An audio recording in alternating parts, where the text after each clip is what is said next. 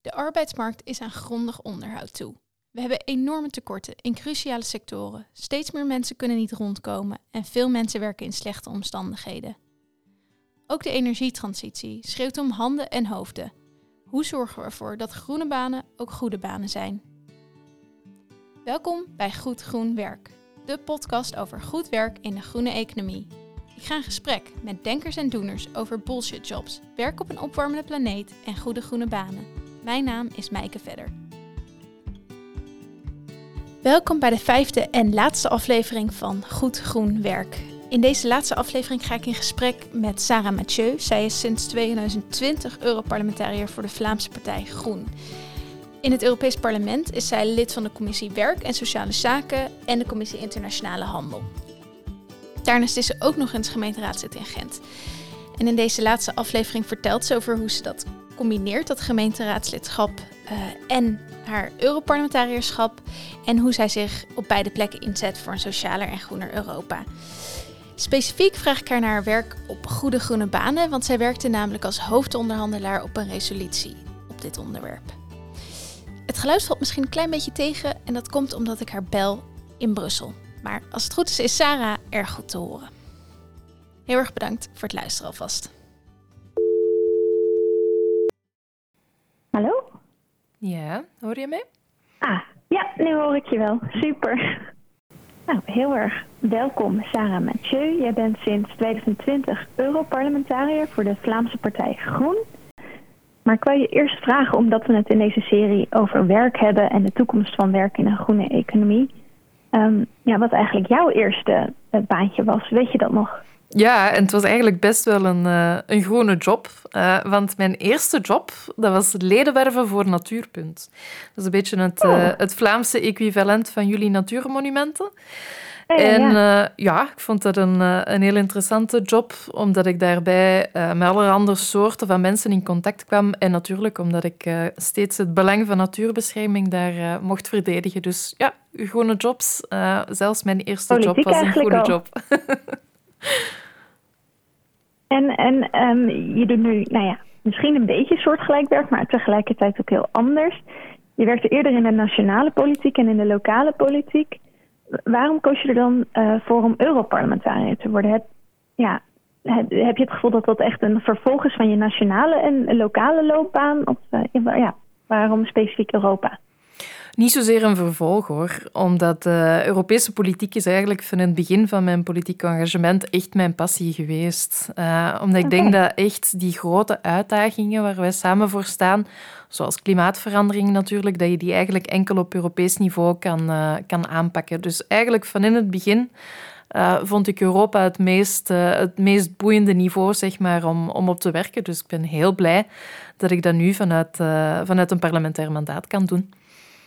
Ja, en je, bent daarnaast ook nog uh, gemeenteraadslid. Ik, ik weet niet of dat in Nederland eigenlijk ook kan, maar hoe is het om, om tegelijkertijd gemeenteraadslid en Europarlementariër te zijn?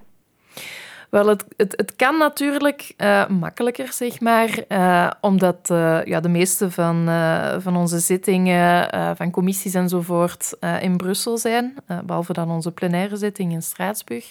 Dus ja, dan is het voor mij wel makkelijker om, om ook gewoon lokaal aanwezig te zijn dan sommige van mijn andere collega's. Mm -hmm. Maar het blijft wel een, een uitdaging naar, naar tijdsbesteding toe, moet ik er eerlijk bij zeggen. Maar tegelijkertijd vind ik het wel nog altijd een, een meerwaarde. Is het uh, heel verfrissend om net op dat lokale niveau met superconcrete zaken bezig te zijn. Bijvoorbeeld uh, veilige fietspaden, groen in de buurt. Dat is echt aan politiek doen op thema's die heel dicht zitten bij ja, waar mensen dagelijks mee bezig zijn. En dat is toch wel heel fijn. Heb je ook het idee dat, dat je het kan goed kan combineren. Dat juist waar je in, in het parlement mee bezig bent, dat dat jij ook helpt bij wat je lokaal doet of andersom? Zeker, omdat uh, ja, de stad waar ik gemeenteraadslid ben, Gent, uh, is een, uh, een voortrekker op vlak van heel wat sociaal beleid, groen beleid enzovoort. En dan merk ik dat ik echt wel best practices van de dingen die we in Gent doen mee kan nemen naar Europa. En tegelijkertijd soms ja, dat groter Europees verhaal toch ook kan binnenbrengen in de gemeenteraad. Dus ik vind wel een... ja, het versterkt elkaar wel, zeg maar. Ja, je kan ook gewoon echt, denk ik, in het parlement zeggen van kijk, het, het werkt, want we doen het al in een, in een stad als Gent. Ja, inderdaad. Je kan het heel concreet gaan maken. Ja, en, en jij zet je in voor zowel groene als sociale thema's. Waarom is het voor jou zo belangrijk om die, die twee dingen met elkaar te combineren? Voor mij hangen die twee dingen echt onlosmakelijk aan elkaar vast. Ik denk dat we een groene transitie enkel kunnen laten lukken als er ook sociale rechtvaardigheid aan gekoppeld is. En voor mij uh, is dat eigenlijk tot nog toe veel te weinig het geval geweest. Uh, dus daarom vind ik uh, die koppeling van die twee dingen superbelangrijk. En dat is ook echt waar ik mijn missie van maak in het Europees Parlement. Ja, ja mooi. Um, dat is eigenlijk ook precies waarom, waarom we bezig zijn bij het wetenschappelijk bureau met het project over goed groen werk. Omdat we zien dat uh, de, de, energietransitie en um, de klimaattransitie ons heel veel kan brengen. En, en leefbare aarde. Uh, maar dat het ook heel veel uitdagingen met zich meebrengt. Onder andere op het gebied van werk. Zo gaan er in de in de fossiele industrie veel banen verloren, maar er komen ook heel veel nieuwe groene sectoren bij. En in Nederland zien we bijvoorbeeld dat uh, in de techniek er al 86.000 vacatures zijn. En ja, er zijn eigenlijk steeds meer mensen nodig om de energietransitie uit te voeren. In Europa gaat het om nog veel meer mensen. Um, ja, daar wil ik het vandaag met jou over hebben. Uh, want ja, als het dan over die, die extra mensen gaat die we nodig hebben, die groene banen. Um, ja, over, om, om wat voor mensen gaat het dan wat jou betreft? Maar ik denk dat het huidige concept van zo'n groene baan of job, zoals dat we in Vlaanderen zouden zeggen, uh, voor veel mensen hm. inderdaad vooral gelinkt is aan klimaatverandering. En dan gaat het inderdaad over die nieuwe jobs zoals uh, laadpaalinstallateurs, uh, onderhoudsmedewerkers van windmolens enzovoort. En dat soort van profielen gaan we inderdaad massaal nodig hebben. Hè, om je een idee te geven op Europees vlak, die overgang naar hernieuwbare energie alleen al, en dat is dus maar een stukje van, van het jobpotentieel, zeg maar, van, uh, van groene transitie, uh, gaat dat over 100.000 tot 300.000 uh, eh, nieuwe jobs tegen 2030. Dus dat is, dat is gigantisch. Um, maar daarnaast zijn er natuurlijk ook veel bestaande jobs die een serieuze impact gaan kennen door klimaatverandering. Hè. Dat is vandaag trouwens ook al zo. Vraag dan maar eens aan de gemiddelde bouwvakker bijvoorbeeld, die afgelopen zomer bij ja, temperaturen van meer dan 40 graden een muurtje aan het metsen is op 10 meter hoogte. Hè. Die situatie ja, ja. Die zijn heel gevaarlijk uh, voor werknemers. Um, en daar moeten we veel aandacht voor, uh, voor hebben. Een ander voorbeeld bijvoorbeeld is um, de landbouw. Hè. Ons duurzaam landbouwmodel, waar wij als Groenen voor staan, dat gaat veel arbeidsintensiever zijn. Uh, dat zal ook veel meer werknemers natuurlijk vergen dan, dan vandaag het geval is met die industriële landbouw. Dus voor ons gaat het ook over sectoren die je misschien niet meteen gaat linken aan klimaatverandering, maar die wel cruciaal zijn voor een sociale en voor een inclusieve samenleving. En dat is natuurlijk waar we naartoe willen. Nu, ja. ja als het over die groene jobs gaat, uh, of de transitie in, in zijn geheel, je hebt uiteraard wel uh, doemdenkers, uh, die heb je overal als je dingen wil veranderen. Uh, maar wij als Groenen mm. zeggen, ja, we, we moeten echt door een transitie gaan. Dat gaat aanpassen worden voor iedereen. Dat is inderdaad nooit makkelijk. Mm -hmm. Maar als we het goed aanpakken, en vooral als we gaan anticiperen op wat gaat komen, dan gaan we mensen eigenlijk betere jobs kunnen geven dan vandaag. En dan gaan we samen naar een samenleving die veel gelijker is, veel socialer is uh, dan vandaag het geval is. Want bon, er, besta er bestaan vandaag eigenlijk nog heel veel gevaarlijke, vuile, slecht betaalde, ondergewaardeerde arbeid. Um, misschien om een voorbeeldje te geven. Um, wat ook top of mind is, zeg maar, uh, in heel die transitie. Ja, hier in België uh, hebben we soms al eens de neiging om te romantiseren hoe goed het economisch bijvoorbeeld ging in Wallonië toen dat de koolmijnen nog open waren. Maar ja, wat soms vergeten wordt, is dat dat economisch succes ook gepaard ging met heel veel lijden door de mensen die daar echt tien uur per dag onder de grond in het stof moesten gaan werken, uh, die ziek werden door die ongezonde leefomstandigheden, dat er soms dodelijke ongelukken uh, gebeurden door die gevaarlijke werksituaties. En, en is ook echt gewoon ongezond voor, voor de werknemers zelf. Niet alleen dat, dat de gevolgen daarvan slecht voor de natuur of de aarde waren. Nee, inderdaad. Uh, dus dat ging ook echt gewoon over, over heel ja, ongezonde werkomstandigheden. En on top of it hebben we die, uh, die sluiting van die mijnen en die transitie toen ook echt niet goed aangepakt. Maar dat is iets wat we vandaag wel kunnen, denk ik. En ja, een ander voorbeeld dat, dat, dat, dat, dat, naar voren komt, uh, is bijvoorbeeld arbeid in de zorgsector. Um, we weten dat uh, het vooral die sectoren zijn met heel slechte werkomstandigheden, waar er echt tekorten zijn. En de zorg is daar een, een voorbeeld van. En ja, die tekorten in de kinderopvang, uh, in de ouderenzorg enzovoort, uh, die zijn ook een bedreiging, denk ik, voor onze veerkracht. En zelfs voor het hmm. economisch succes van Europa. Er zijn al heel wat vrouwen bijvoorbeeld die wegblijven van de arbeidsmarkt omdat er onvoldoende kinderopvang is. Um, Maar we hebben echt iedereen nodig. En ja, in die zin zijn ook die jobs... Zijn dat ook groene banen dan? Bijvoorbeeld in, in de zorg noem jij dat ook een groene baan? Ja, daarom vind ik dat ook een groene baan. Uh, we hebben die echt nodig. en ook die jobs in de zorg en in het onderwijs bijvoorbeeld zijn groene jobs. Dus groene jobs zijn voor mij eigenlijk jobs die we nodig hebben om die transitie goed door te komen en die echt er een kans van maken voor een betere samenleving. Oké, en, en ja, jij bent hier in het parlement ook mee bezig. Wat is dan volgens jou nu het, grootste probleem waar we dan tegenaan lopen? Want enerzijds gaat het over nou ja, ontslagen, dus door het, het sluiten eigenlijk van, van fossiele bedrijven. Maar je noemde het zelf ook al, er zijn ook enorme tekorten uh, aan, aan werknemers. Wat, wat is voor jou nu dan een, een, ja, het belangrijkste daarin? Wel, ik denk dat we inderdaad moeten erkennen dat door die transitie er een aantal jobs die gelinkt zijn aan die fossiele industrie gaan verdwijnen. Dat is logisch.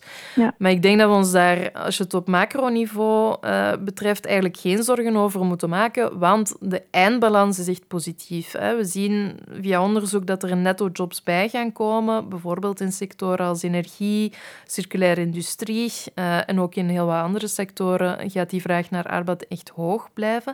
Ik denk dat de vraag eerder is, hoe gaan we dat organiseren? Hoe gaan we ervoor zorgen dat we genoeg mensen vinden om die jobs te doen? Hoe gaan we die mensen kunnen omscholen? En ja, daar zijn denk ik een aantal uh, ja, oplossingen uh, of, of ja, acties uh, voor nodig uh, die we kunnen ondernemen om dat te realiseren. Anticipatie is een heel belangrijke. Hè. Als we even terugkijken naar dat voorbeeld dat ik daarnet gaf van de steenkoolmijnen. Vandaag zien we eigenlijk in Wallonië nog altijd de gevolgen van de sluiting van die steenkoolmijnen. En, ja, ja wat, wat is daar misgegaan? Wel, dat is echt ja, een hele periode... Um, waar, eh, waar er veel te weinig op geanticipeerd is. Hè. Die laatste mijn is, is dichtgegaan in 1984. Dat is echt al heel lang geleden. Dat was uh, ja, geen accident waiting to happen. Hè. Uh, in die zin, je had het perfect kunnen anticiperen als er een plan had klaargelegen om die sluiting te gaan opvangen.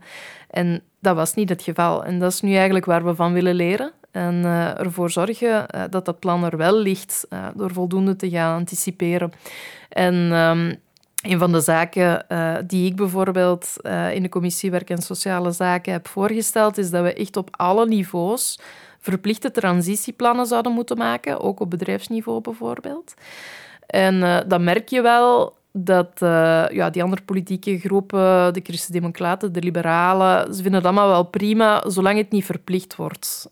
maar dan denk ik, ja, dan die, die willen toch het liever bij het oude eigenlijk houden en dat de bedrijven niet verplicht worden om al nou ja, in die zin over de toekomst na te denken en hoe ze moeten gaan veranderen. Ja, klopt. Maar ik denk, als je dat doet, dat je dan eigenlijk gewoon je kop in het zand steekt. En uh, dit is iets wat ja, je dus mogelijk weer diezelfde problemen krijgt die, die we uh, nou ja, in de kolenmijnen misschien, maar ook in, ja, in Nederland ook in, in, Limburg, in de Limburgse kolenmijnen, dat dat ja, voor veel mensen als een verrassing kwam. Dat ze ja, plotseling werden ontslagen en dat er ook niks daarna voor hun, voor hun was. Inderdaad. En dus in die zin denk ik dat het heel belangrijk is om echt die verplichte transitieplannen te hebben, zowel voor regio's als voor bedrijven. We weten dat dit er zit aan te komen. Dus hè, als Groenen zeggen we, oké, we gaan die handschoen opnemen, laat ons ons goed voorbereiden om ervoor te zorgen dat die werknemers niet in de steek gaan gelaten worden. Um, en ja, wat ik denk dat ook heel belangrijk is, is dat bedrijven aantrekkelijk moeten blijven voor werknemers. Hè. En dat kan hm. door goede lonen te voorzien, door uh, stabiele en duurzame jobs te gaan creëren, voorspelbare werkuren bijvoorbeeld, uh, een veilige werkomgeving. Want uh, ik zei het al, die huidige tekorten op de arbeidsmarkt, dat is vooral in die sectoren met slechte werkomstandigheden. Dus met andere woorden, bedrijven hebben er echt baat bij Uh, dat er voldoende mensen bij hun komen werken die zich echt voor een, uh, een langere tijd gaan, uh, gaan engageren, zeg maar. Hè. En... Ja, en je zou ook denken dat bedrijven daar nu helaas door de tekorten hopelijk ook zelf veel meer mee bezig zijn met hoe kunnen we toch mensen aantrekken. En dat de bedrijven zelf ook echt iets moeten gaan veranderen om het juiste personeel bij hun te krijgen. Ja, absoluut. En ik denk dat ze zich daar nu nog te weinig van bewust zijn of denken, uh, dat is nu een beetje in de mode, van we gaan alles oplossen met, uh, met herscholing en omscholing van werknemers. Ja, als je natuurlijk die werkomstandigheden en die lonen enzovoort niet aanpakt, ja, dan ga je het probleem niet oplossen. Hè. Um, en, Blijven mensen misschien ook niet heel lang. Juist. Um, dus als, als het gaat over, over duurzame en stabiele jobs, um, ja, gaat het natuurlijk ook over het engagement van, van werknemers uh, ten opzichte van die bedrijven. En daar kan je wel degelijk iets aan doen als bedrijf. Ehm, en ik denk dat we er ook gewoon voor moeten zorgen uh, in die sectoren waar dat, dat dan wel het geval is. Uh, bijvoorbeeld de huidige olie- en staalbedrijven. Daar hebben heel veel van die werknemers wel een goed loon, wel uh, werkzekerheid. Dus we moeten er eigenlijk voor zorgen dat dat ook in die groene jobs, in die nieuwe jobs het geval gaat zijn. Um, want ja... Allee, dus dat je eigenlijk behoudt wat, wat goed is aan die banen. Nou ja, ook al gaan die banen gaan misschien verloren maar dat wat er goed aan is, dus de, de, werkomstandigheden en het loon, dat dat ook in die groene banen behouden blijft. Ja, dus dat werknemers er eigenlijk alleen maar op, uh, op vooruit kunnen gaan, zeg maar. Uh, dat is echt uh, de bedoeling en dat is de manier waarop we die transitie eigenlijk kunnen inzetten als een soort vliegwiel om dat te gaan realiseren. Maar ik denk dat we ook nog verder out of the box moeten gaan denken. Hè. Um, wat wij als Groenen bijvoorbeeld al een tijdje uh, naar voren schuiven, uh, ook om, om ja, de werkdruk en zo aan te pakken.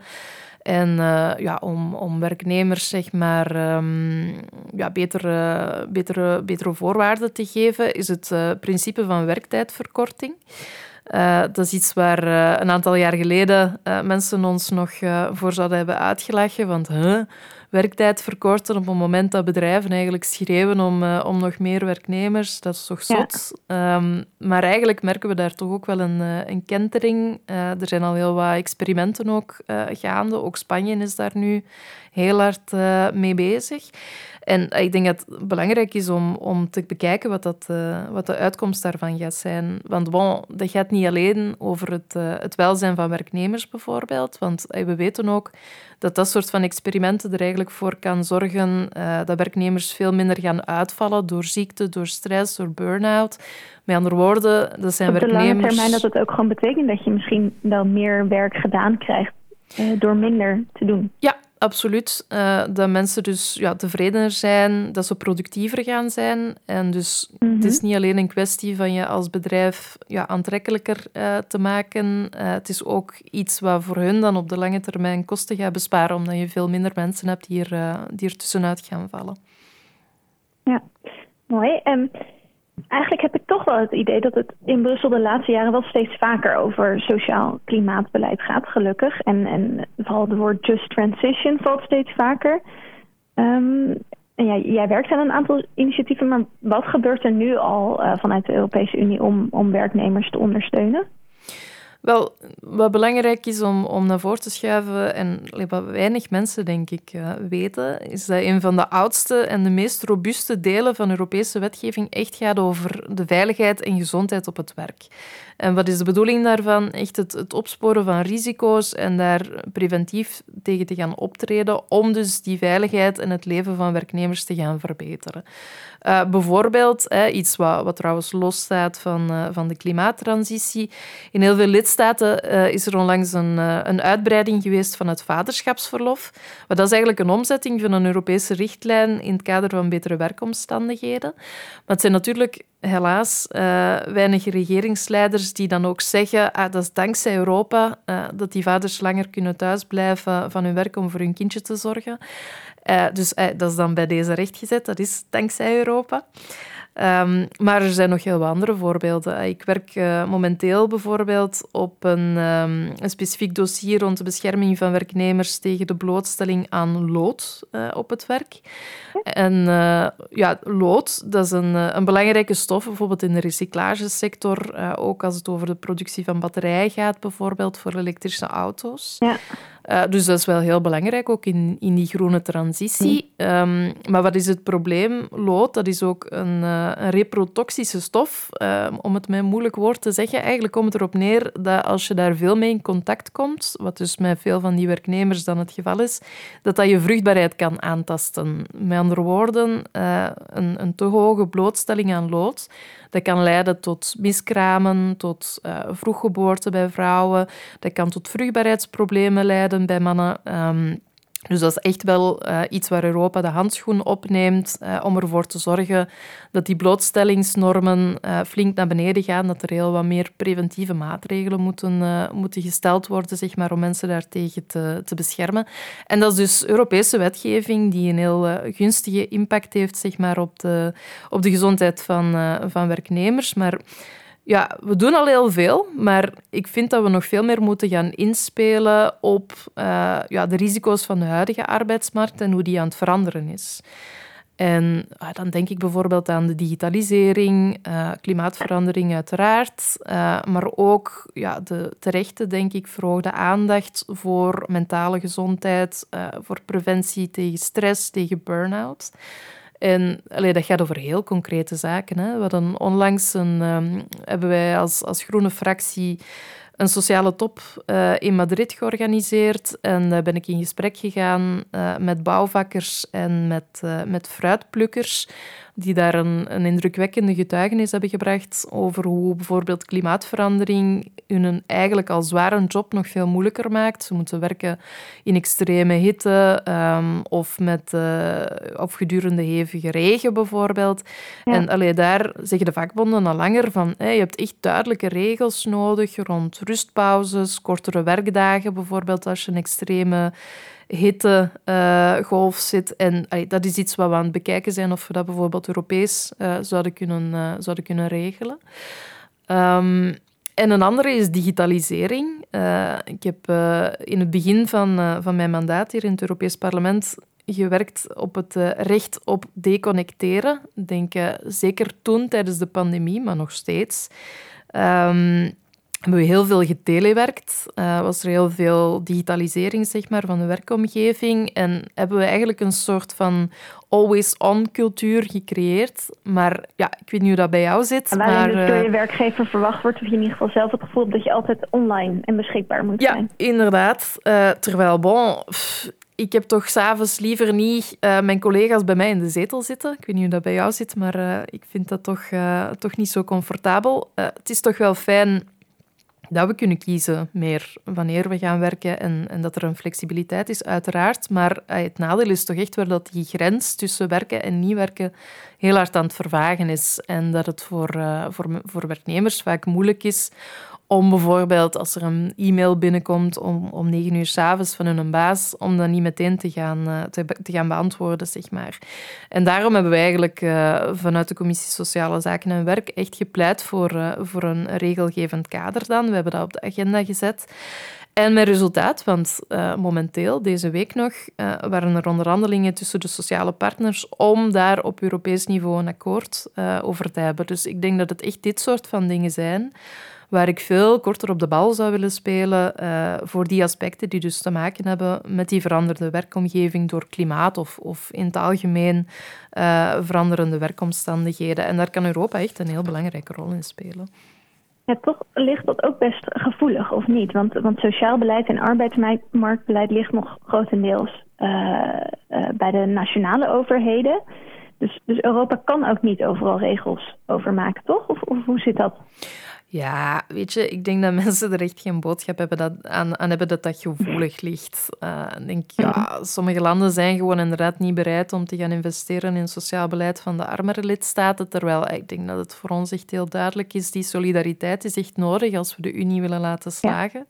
Het is ook een beetje een fabeltje, hoor. Het is helemaal niet waar dat, uh, dat we geen uh, competenties hebben op, op sociaal beleid, zonder al te technisch te worden, maar er is wel degelijk een artikel in het uh, werkingsverdrag van de Unie die zegt mhm. uh, dat we sociale doelen moeten nastreven met Europa. Bijvoorbeeld het creëren van werkgelegenheid, uh, die goede werkomgeving verzekeren, de work-life balance verbeteren, een gelijke behandeling, een goede sociale bescherming, sociale dialoog. Dus dat zijn eigenlijk allemaal dingen die wel degelijk ja, in het takenpakket zitten.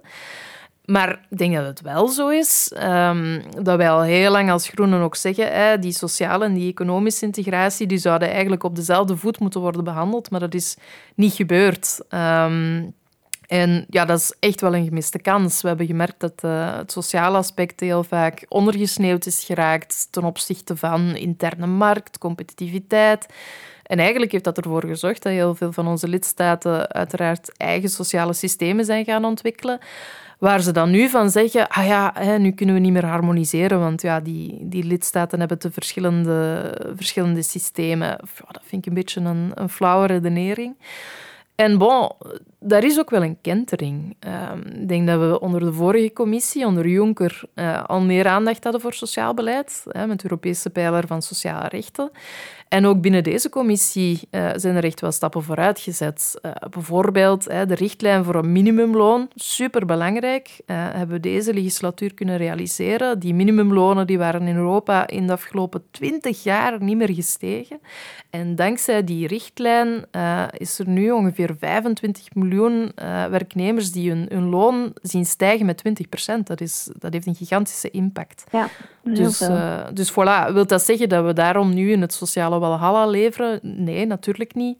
Er is nog altijd veel te veel armoede. Eén uh, op de vijf Europeanen leeft nog altijd in, in armoede. En we zien eigenlijk de, ja, de stijging van het GDP in Europa helemaal niet is doorvertaald uh, naar het uh, reële inkomen van werknemers, zeg maar. We hebben ook steeds meer daklozen. Dat zijn echt cijfers waar mensen boos van worden. Um, en terecht. Uh, dus er is nog wel heel wat werk op de plank voor een sociaal Europa. En dat is ook waarom dat we als groene fractie heel duidelijk zeggen, we willen voor de volgende commissie niet alleen een Green Deal, maar echt ook een Green and Social Deal. Uh, die twee moeten echt altijd samengaan. Voor mij is of klimaatbeleid... Of samen gaan en niet achteraf nog... Uh, voilà. Nou ja, dat er het mag geen, uh, over dat het ook sociaal moet zijn. Het mag geen achteraf gedachte zijn. Klimaatbeleid is ook sociaal beleid en moet dat ook zijn. Ja heel duidelijk. Ik wou je nog een aantal dingen vragen over de resolutie waar je vorig jaar aan hebt gewerkt als rapporteur in het Europees Parlement. Dat betekent dat je de hoofdonderhandelaar uh, op dat onderwerp was. Dat ging ook over uh, groene banen. En het heette het On Job Creation, the Just Transition and Impact Assessment. Mm Kan je iets vertellen over hoe die resolutie tot stand kwam en, en ja, wat eigenlijk het doel daarvan was? Wel, wij kunnen als, uh, als parlement helaas geen wetgeving voorstellen. Hè. Dat is iets wat we toch dringend eens moeten aanpakken. Maar wat we wel kunnen doen, is dit soort van eigen initiatiefrapporten uh, realiseren om eigenlijk de commissie te gaan beïnvloeden, zeg maar, uh, met onze parlementaire agenda. En allee, voor mij was dit echt een, een manier om daar als, als hoofdonderhandelaar en rapporteur een statement mee te kunnen maken en eigenlijk eens te gaan oplijsten van wat zijn nu allemaal de verschillende wetgevingen die nodig zijn of die we moeten aanpassen, zeg maar, uh, om die groene transitie uh, echt te realiseren en om ervoor te zorgen dat die groene jobs ook echt goede jobs zijn. En uh, ja, we hebben daar uiteraard heel wat research uh, voor gedaan. Zijn we met bedrijven, met vakbonden gaan praten. Ook met, uh, met de verschillende parlementaire fracties uiteraard. om ook hun mening daarover te horen. En ik denk dat er in dat rapport oh, heel wat... Wat, wat jullie vonden en, en de andere parlementaire fracties. Want als ik het zo bekijk, denk ik, nou, iedereen kan hier achter staan. Is dat dan het resultaat van heel veel compromissen? Of was dat best makkelijk te onderhandelen? Wat altijd moeilijk is um, ten opzichte van de conservatievere fracties, zeg maar, is om nieuwe wetgeving voor te stellen. Uh, zij vinden altijd, ja, er is al te veel wetgeving, je mag de bedrijven niet te veel gaan belasten daarmee. Terwijl wij net denken dat dat ook uh, kansen zijn voor bedrijven en alleen om ervoor te zorgen dat die bedrijven ook veel meer toekomstzekerheid uh, krijgen. Dus het is zeker niet dat dat dan een walk in the park is en dat we het allemaal zomaar eens zijn over wat de concrete concrete tools zijn, zeg maar, die we nodig hebben om, uh, om die groene jobs ook echt goede jobs uh, van te maken en om heel die eerlijke transitie ja, vorm te gaan, uh, te gaan geven. Hè. Een van de dingen die die ik eerder al zei, die verplichting van, van die transitieplannen, dat is dan iets waar we, waar we de collega's niet van overtuigd hebben gekregen. Mm. Um, iets waar we bijvoorbeeld ook over, um, over gediscussieerd hebben, uh, is ja, we gaan heel wat overheidssubsidies uh, gebruiken om die sectoren te gaan ondersteunen om echt die groene transitie te realiseren. Ja, wat ons betreft is het niet de bedoeling dat dat zomaar blanco checks zijn voor bedrijven. Uh, we moeten daar echt ook sociale eisen tegenover stellen, zoals die kwaliteitsvolle jobs, goede opleidingen enzovoort. Dus eh, als, uh, als we bedrijven subsidies geven, dan mag daar ook wel echt iets tegenover staan. Uh, dat is een van de zaken waar we... voorwaarden over, uh, over hun werknemers. Ja, absoluut. Uh, dus dat zijn bijvoorbeeld dingen waar we ja, echt wel voor moeten vechten hebben om dat, er, om dat erin te krijgen. Ja. Het gaat ook veel over onderwijs in de resolutie. En dan, dan worden de term, termen reskilling en individual right to education benoemd. Wat, kan je uitleggen wat, wat dat betekent en waarom dat zo belangrijk is? Ja, er wordt nogal wat met, uh, met termen gegooid. Uh, het is het, uh, het Europese jaar van de vaardigheden. Hè. Maar bon, mm. ik vind dat eigenlijk heel veel dure woorden zonder, zonder dat dat veel zoden aan de dijk zet. Want allee, wat we merken is ja, werknemers hebben nu eigenlijk al recht op opleiding, bijvoorbeeld tijdens hun werkuren, die betaald moet worden door de werkgever. Maar wat zien we dan in de praktijk? Mensen komen daar gewoon niet aan toe. Uh, als je naar Europese cijfers kijkt, Gemiddeld 45% van de werknemers heeft echt effectief regelmatige bijscholing. Dus dat is hè, meer dan de helft gewoon niet. Uh, en dat ze eigenlijk ook heel weinig te zeggen hebben over de invulling van dat recht. Dus wat voor bijscholing. Terwijl ik denk, allee, dat is ontzettend belangrijk in zo'n snel veranderende arbeidsmarkt. Denk maar aan toegenomen digitalisering enzovoort. Dus ja, een van de dingen die we mm, in dit rapport naar voren hebben geschoven, is om dat recht echt veel sterker nog te gaan, uh, te gaan verankeren. Dat vakbonden ook die agenda rond die vaardigheden, die opleidingen enzovoort mee kunnen uittekenen kan niet de bedoeling zijn dat het uh, enkel de bedrijven zijn die, uh, die dat gaan, die dat gaan doen. Eigenlijk. Ja, absoluut. En ah, dat dat ook nog veel meer zou moeten deel uitmaken van, van collectieve arbeidsovereenkomsten bijvoorbeeld. En ja, daarnaast uh, is er ook het concept van levenslang leren. Hè. We weten dat de wereld mhm. zal blijven veranderen. Voor sommigen gaat dat bijzonder snel. En ja, als je mensen de kans eigenlijk wil geven om bij te benen, niet alleen op de werkvloer, maar ook als je bijvoorbeeld tussen twee jobs uh, in zit, um, heb ik in dat rapport ook een voorstel gedaan dat er een richtlijn voor levenslang uh, leren zou moeten komen. Maar dat is ook iets uh, waar we voorlopig uh, de andere politieke partijen niet in, in hebben meegekregen. Dus daar gaan we voor blijven ah, vechten. Ja, want dat komt best wel overeen met ook het interview wat ik had in de vorige aflevering met mensen die ook in het techniekonderwijs werken, die er eigenlijk ook voor pleiten dat de verandering in de samenleving ook vragen om een, een hele herziening van het onderwijs, die uh, ja, veel minder traditioneel is in de zin van dat je nou ja, vijf jaar ergens voor studeert en dan nou ja, de mhm. rest van je leven uh, nou ja, eigenlijk dat beroep kan uitvoeren. Dat ja, je inderdaad je leven lang uh, moet, moet blijven leren. Ja.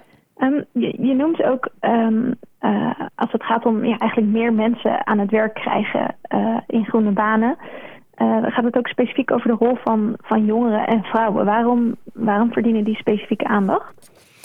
Wel, ik denk dat toekoor, die gelijkheid tussen, tussen man en vrouw, iets cruciaal is in, in onze aanpak van de groene economie. Want bon, als we mhm. vandaag alleen gaan focussen op die meest vervuilende sectoren, um, dan zijn dat vooral mannelijke werknemers. Um, en ja. als je dus enkel daarop gaat focussen, dan gaan we eigenlijk de, de, de ongelijkheid tussen de genders zoals die er nu is, alleen maar gaan versterken. Hè. Als je kijkt bijvoorbeeld, even een aantal cijfers erbij pakken. Uh, vandaag is maar 35% van de werknemers in de duurzame energiesector vrouw. Uh, en ja, ja. vrouwen ja, die, die bezetten bijna de helft van uh, de administratieve functies. Maar als je kijkt naar het technische, naar de hogere management enzovoort, dan is dat veel minder. Nochtans, mm -hmm. en dat mhm. weten we ook, er zijn veel meer vrouwen momenteel die afstuderen aan universiteiten dan, dan mannen. Um, En ja, in de fossiele sector bijvoorbeeld is het nog veel minder. Hè. Uh, daar hebben vrouwen minder dan 12% van de leidinggevende functies.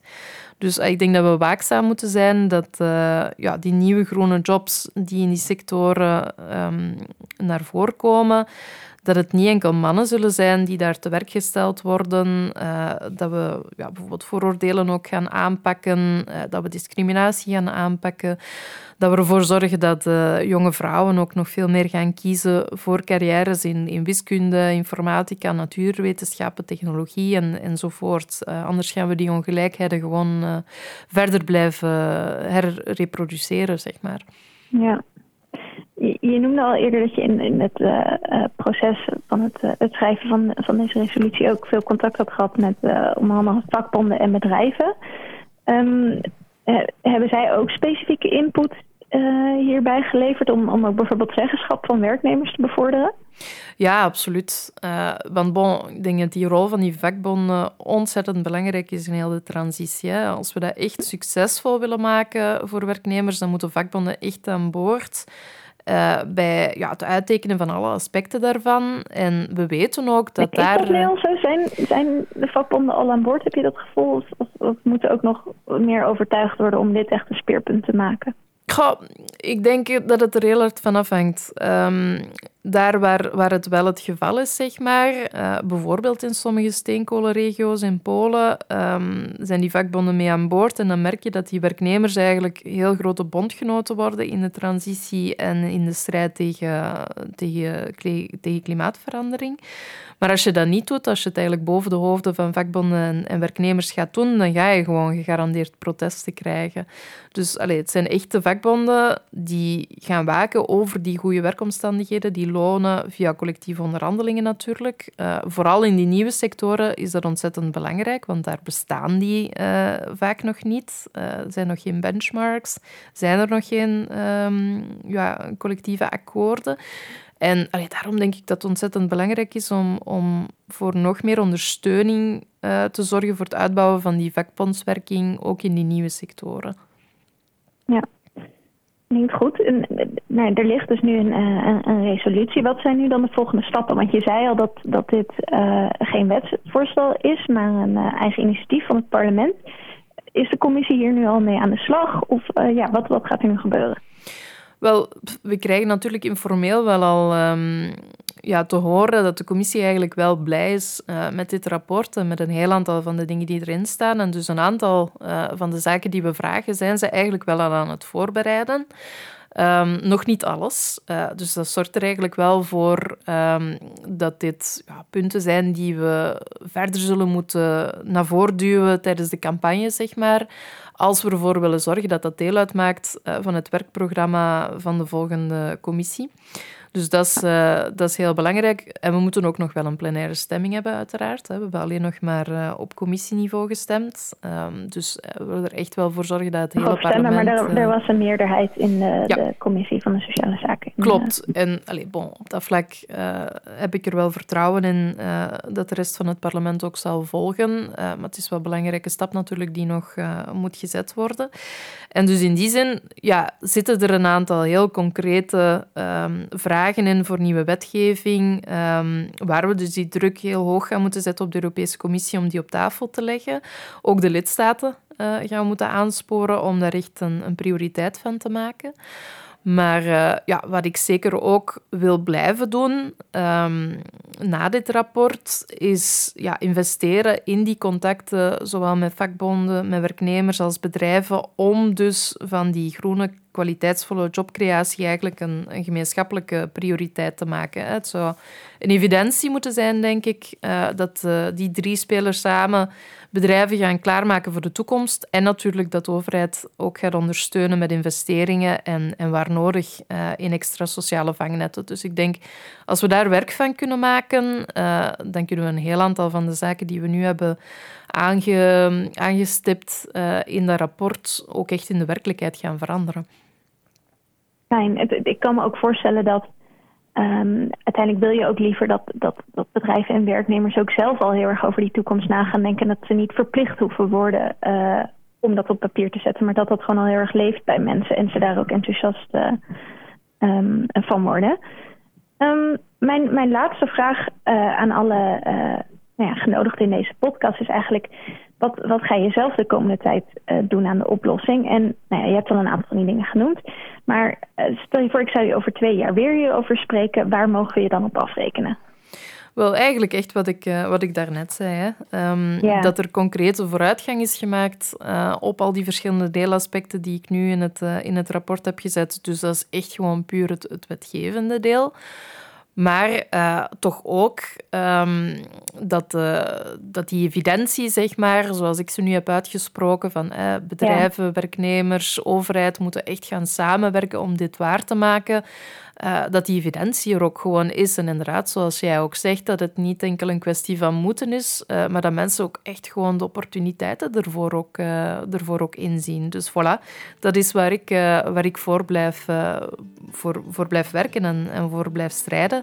En ik denk ja. dat dat absoluut haalbare kaart moet zijn. Ja, ik, ik hoop het ook heel erg. Voor nu heel erg bedankt voor al je inzichten. En heel veel succes met je werk in het Europese parlement. Dankjewel, Sarah. Dankjewel, met veel plezier. Dit was Goed Groen Werk, een podcast van het wetenschappelijk bureau GroenLinks en de Groenen in het Europese parlement. Tot de volgende keer.